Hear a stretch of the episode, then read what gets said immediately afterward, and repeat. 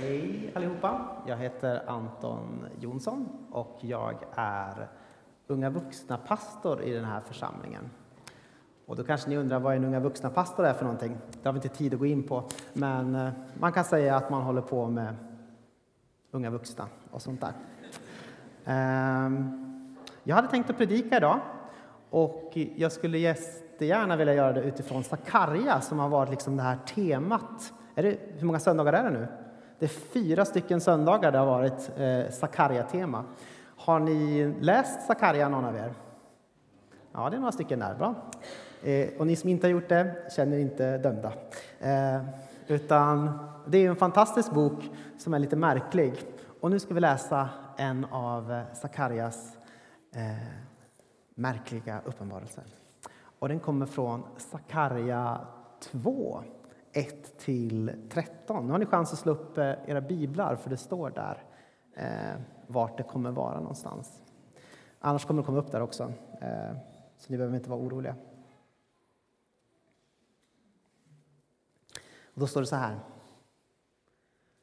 Jag lyfte blicken och fick se en man med ett mätsnöre i handen. Jag frågade honom, vart är du på väg? Och han svarade, för att mäta upp Jerusalem och se hur långt och brett det ska bli. Då kom den ängel som talade med mig och en annan ängel gick honom till mötes och sa Skynda dig och säg till den unge mannen där Jerusalem ska bli en stad utan murar, ty många människor och djur ska rymmas där. Jag ska själv vara en mur av eld runt staden, säger Herren, och visa min härlighet där inne. Bryt upp, bryt upp, säger Herren. Fly från landet i norr. I alla väderstreck har jag skingrat er, säger Herren. Bryt upp och rädda dig, Sion, du som bor i Babylon. Ty så säger Herren Sebaot om det folk som plundrat er. Den som rör vid er, han rör vid min ögonsten. Ja, jag lyfter min hand mot dem, de ska bli sina slavars byte. Då ska ni inse att Herren Sebaot har sänt mig. Gläd dig och jubla, dotter Sion. Se, jag kommer och tar min boning hos dig, säger Herren.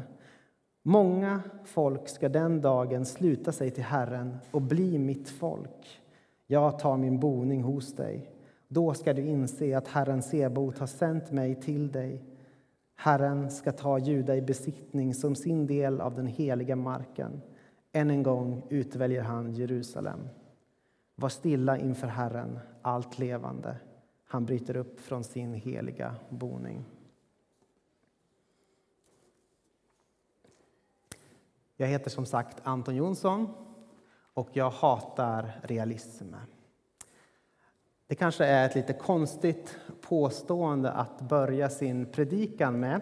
Men å andra sidan så är det kanske det mest korrekta sättet att börja en predikan som utgår från Sakarja. När Sakarja pratar så är det inte direkt diskbänksrealism som kommer ut ur munnen.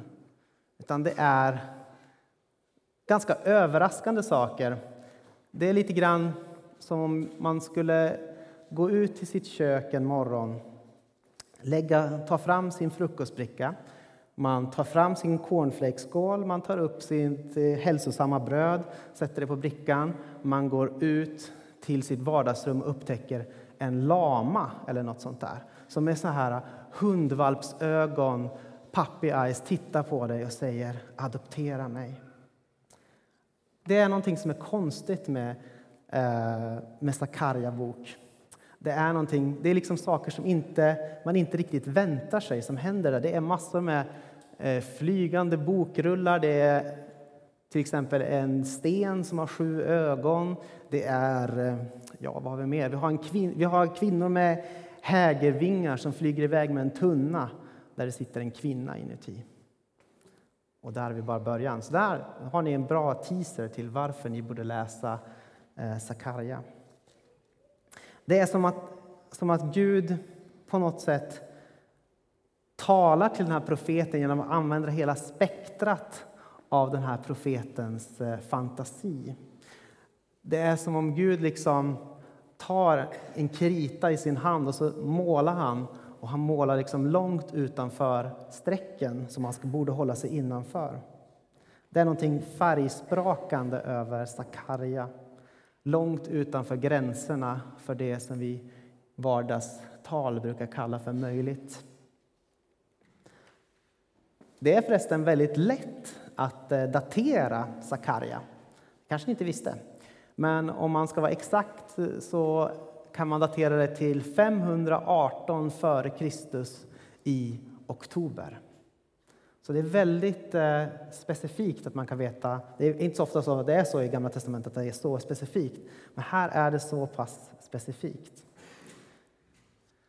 Förr så trodde många israeliter, de som bodde i det här landet Israel, då, eh, Guds folk, att Jerusalem, deras huvudstad, att den var ointaglig, att den aldrig skulle falla. Där fanns ju ett tempel, liksom Guds eget tempel där Gud hade sagt att här ska mitt namn vara. Här kommer min närvaro att vara. Och då tänkte sig folk så här, men om Gud är här, då kommer den här staden aldrig någonsin att falla, eller hur? Gud har ju ropat ut sitt namn över den här staden. Han, Gud skulle aldrig tillåta det. Men med det här sättet att tänka så kommer också en viss lathet eller en viss lättja. Och, och, och det leder till att man också gör ganska mycket onda saker faktiskt så småningom. Profeten Jeremia han säger så här i Jeremia 7, 3-10. Han försöker liksom vädja med det här folket, han försöker köpslå med dem för att de ska inse att det inte är så. Staden kommer inte alltid stå fast. Det är, liksom, det är inte ovillkorligt. Och då säger han så här. Så säger Herren Sebahot, Israels Gud. Ändra era liv och era gärningar, så ska jag bo bland er på denna plats. Lita inte på lögner som här är Herrens tempel, Herrens tempel, Herrens tempel. Men om ni verkligen ändrar era liv och era gärningar om ni handlar rätt mot varandra, om ni inte förtrycker invandraren, den faderlösa och änkan, inte låter oskyldigt blod flyta på denna plats och inte skadar er själva genom att följa andra gudar. Då ska jag bo bland er på denna plats, i det land som jag gav åt era fäder från urminnes tid och för all framtid. Men ni litar på lögner som inte är till hjälp. Tror ni att ni kan stjäla och dräpa och begå äktenskapsbrott och svära falskt och tända offereld åt Bal och följa andra gudar som ni inte känner och sedan träda fram inför mig i detta hus som mitt namn är utropat över och säga vi är räddade och sedan fortsätta med alla dessa vidrigheter. Detta hus som mitt namn är utropat över, tar ni det för ett rövarnäste? Det är det också i mina ögon, säger Herren. Så det här var någonting som man trodde på Jeremias tid att den här staden den är ointaglig, den kommer stå för alltid. Templet finns här. I oktober 518 f.Kr. vet man bättre. Ett stort imperium som heter Babylon har malt Jerusalem till grus. Inga murar finns där. Templet är nedtrampat. Det finns inte mycket kvar av den, liksom, den gamla härligheten. Staden är bara en skugga, en parodi på det som har varit. Det är så att Babylon, eh, det här landet, det finns inte riktigt kvar längre utan det är avlöst av Persien.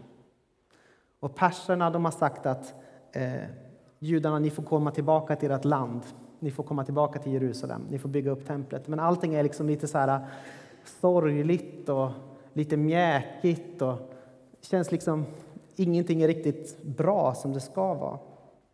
Det är liksom som om man tar en tepåse, en teabag, upp från eh, sitt eh, eh, kopp liksom, och lägger ner den på, lägger ner den på brickan. Då.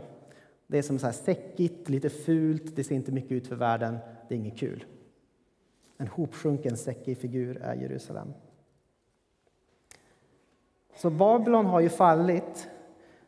Och det är Persien som är liksom det stora landet. Men samtidigt så säger den här profeten att gå ut från Babylon. Gå ut från Babylon. För Babylon är inte bara ett land, det är också ett mentalt fängelse. Det är Babylons eh, tankesätt som dominerar. Det härskar även när liksom Babylon som stat har fallit.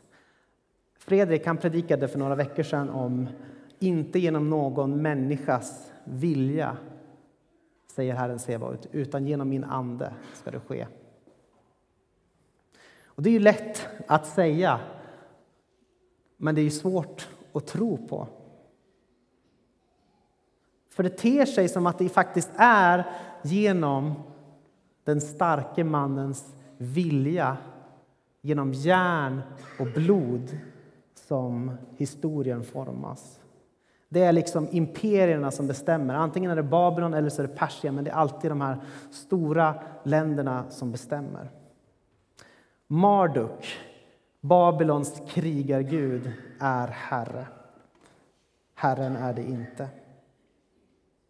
De flesta de sitter liksom fast i det här mentala fängelset. Men Herren har greppat kritan och han målar liksom utanför strecken. Han målar utanför linjerna. Bortom liksom människors gränser och föreställningar. Så Sakarja, han ser en ung man som är ute och går med ett mätsnöre. Och han frågar var är du på väg någonstans. Och den unge mannen svarar att han ska liksom mäta upp Jerusalem. Han ska se hur långt och hur brett Jerusalem ska bli. Hur liksom ska murens gränser dras? Då kan man tänka så här, att när Sakarja hörde det här så kanske han tänker oh, vad betyder den här synen? Betyder inte det här att Jerusalem ska byggas upp igen? Och så tänker han så här kanske, halleluja! Gud tar sig an sitt folk, nu ska det liksom Jerusalem bli uppbyggt igen. Men vänta ett litet tag. Det är två änglar som också dyker upp. Och de här änglarna har en liten konversation med varandra, en liten konvo. Och en av de här änglarna liksom får uppdrag att bryta in eh, snett bakifrån på den här eh, mannen med mätsnöret. Och så, så säger han eh, så här, ska vi se om det kommer upp.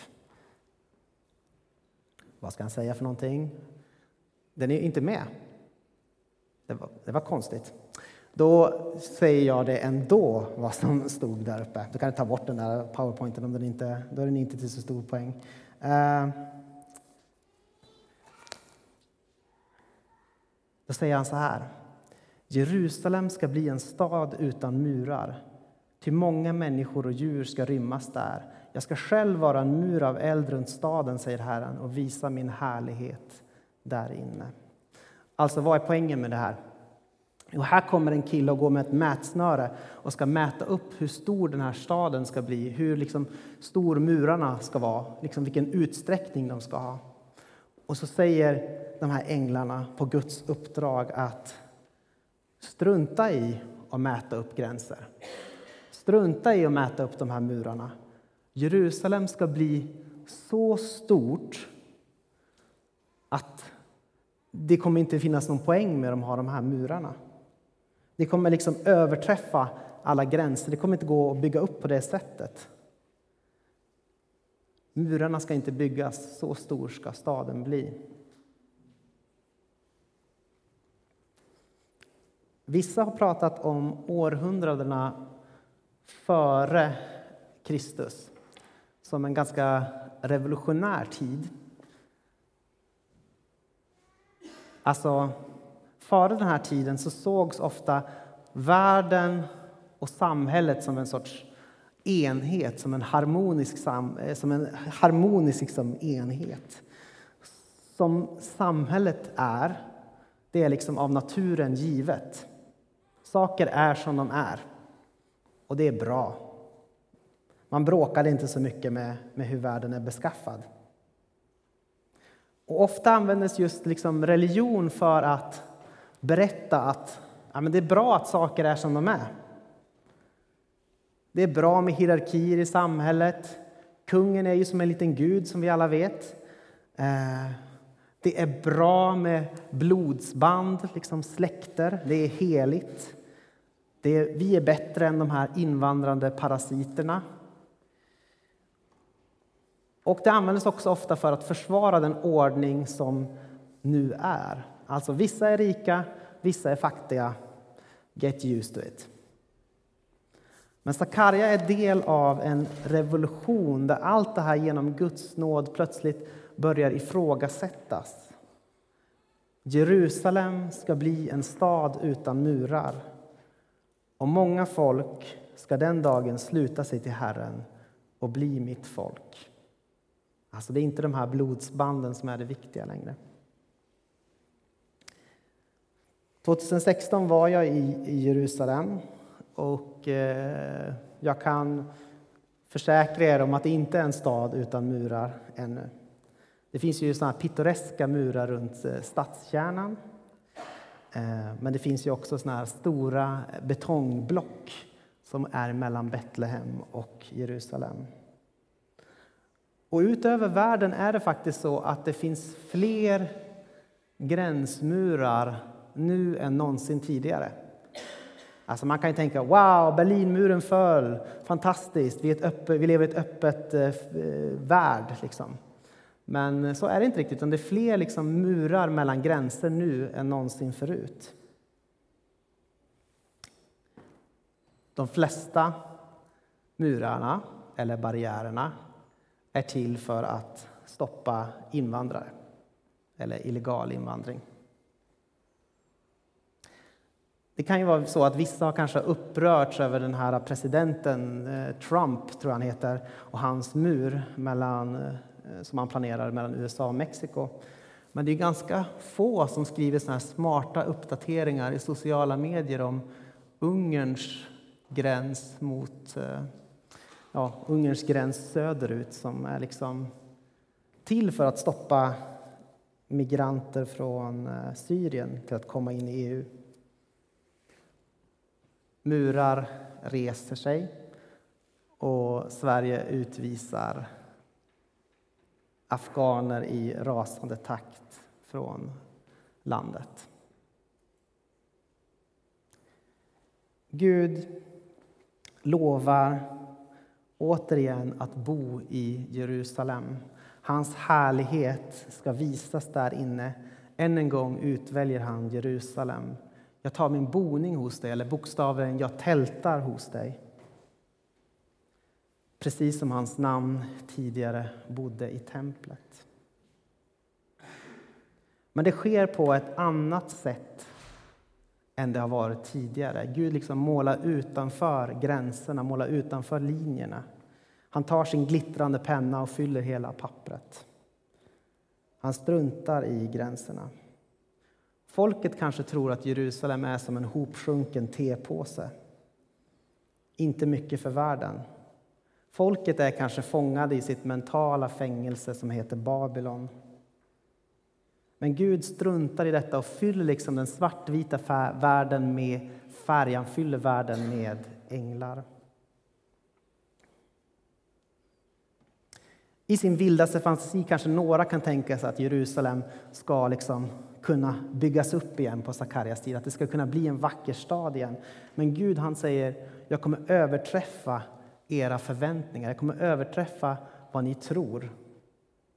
Så mycket människor och djur av olika slag ska bo i Jerusalem att den här nedrivna muren som babylonerna har liksom jämnat med marken, det är snarare en välsignelse än en förbannelse.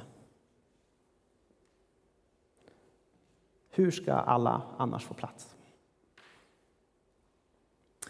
Jag tänker så här att allt för ofta så sitter vi fast i olika sorters mentala fängelser. Vi fattar beslut utifrån noggrant utstakade linjer som andra har satt upp för oss. Det är inte realistiskt att ta emot fler invandrare, till exempel, kanske någon kan säga det är bara såna här godhetsknarkande PK-människor som tror på något sånt. Babylon har satt upp vissa gränser för hur vi ska tänka. Kanske vissa säger lika bra att vi säljer vapnen, någon annan kommer göra det annars. Vi lider av en sorts närsynthet och kan inte se bortom de gränser som har satts upp. Vi kan inte se liksom Guds löften som lyser strax bortom de här gränserna som är uppsatta, som vill mer. Men Gud ser längre och Gud bryr sig inte nämnvärt om de här gränserna.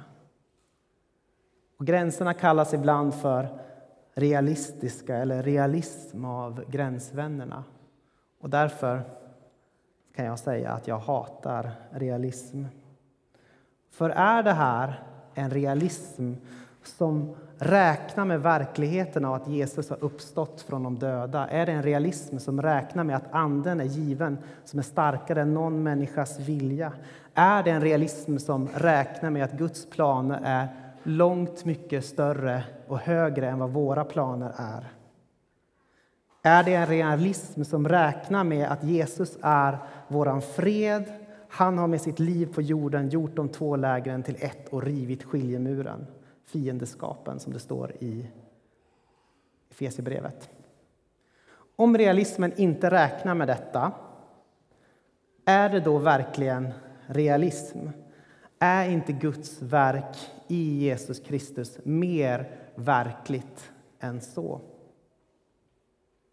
Mer verkligt än allt annat.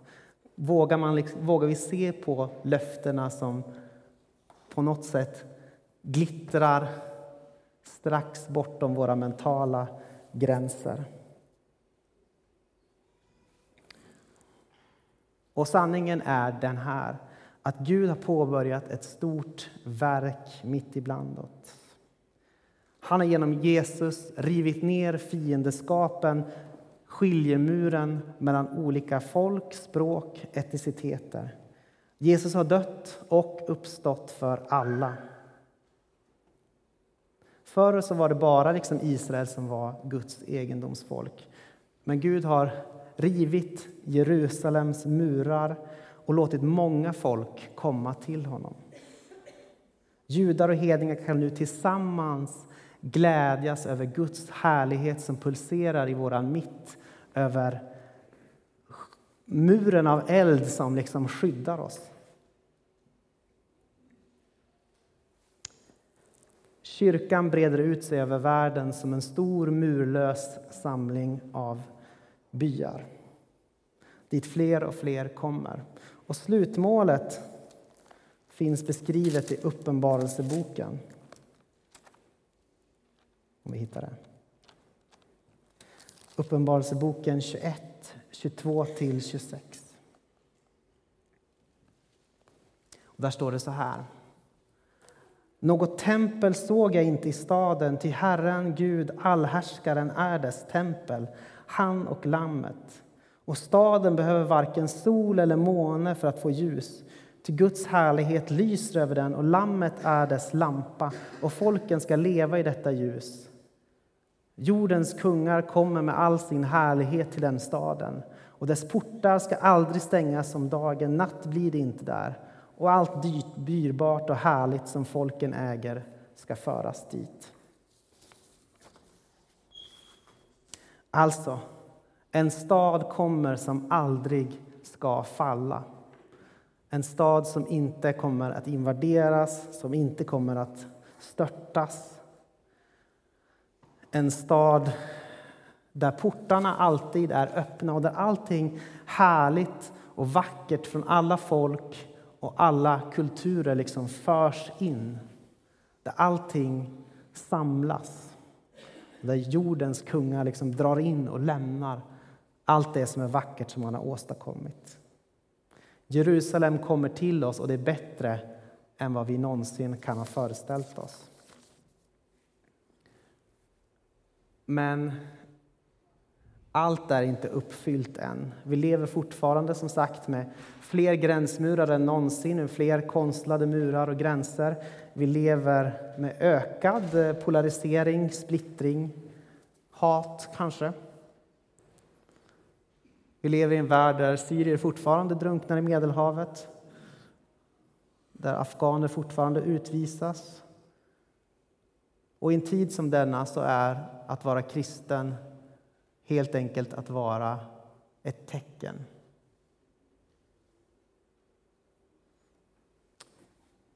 I ett brev som är skrivet på hundratalet eh, efter Kristus till en eh, snubbe som heter Diognetos så står det så här.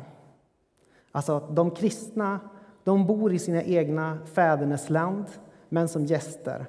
De har del i allt som medborgare, men uthärdar allt som främlingar. Varje land kan bli deras fädernesland och varje land är ett främmande land för dem. De gifter sig som andra och föder barn, men de sätter inte ut sin avkomma. Deras bord är öppet för alla, men inte deras bädd. De vistas på jorden, men deras hemland är himlen. De lyder de stiftade lagarna, men överträffar dem med sitt eget liv.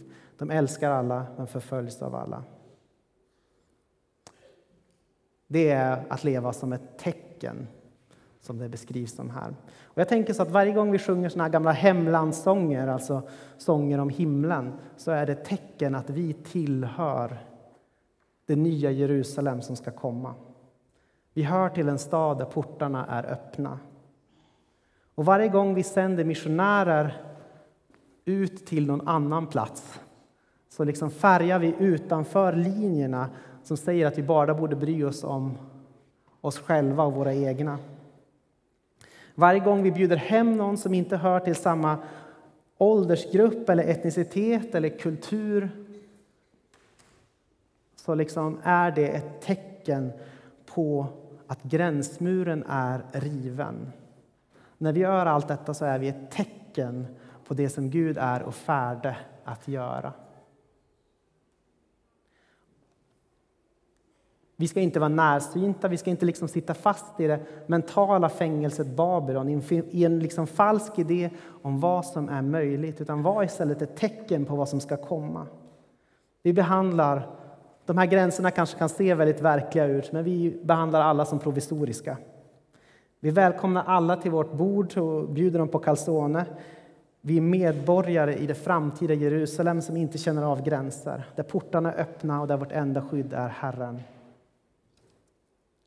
Men just detta, om vi ska se lite realistiskt på det för en gångs skull, det kommer att skapa hat.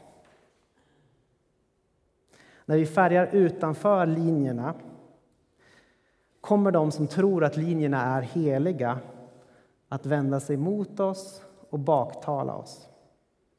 Oviljan att älska snäva gränser utan framtid kommer paradoxalt nog att leda till splittring. Och det är en av lärjungaskapets kostnader som varje kristen måste beräkna. Och den som vill ha kraft till att bära detta kors kan komma ihåg slutordet i Sakarja. Var stilla inför Herren för att kunna se att han bryter upp från sin boning för att bo hos oss och infria sitt löfte. Tillbedjan och stillhet är den enda framkomliga vägen. Nu kommer vi att sjunga lovsång till Gud som har gjort allt som det heter i en lovsång. Och det finns också möjlighet att till exempel tända ljus eh, om det är något speciellt som får symbolisera din bön du kan eh, skriva sådana lappar som jag bad om tidigare, eller bad för tidigare, namnen där, eh, på en person som du tänker på, som du vill kanske ska komma till tro. Det finns förebedjare där bak. Ehm, det finns en världskarta där som man kan be för världens alla länder. Kan ni tänka bort gränserna en liten stund också. Tack Gud för att du är här. Nu ber vi. Amen.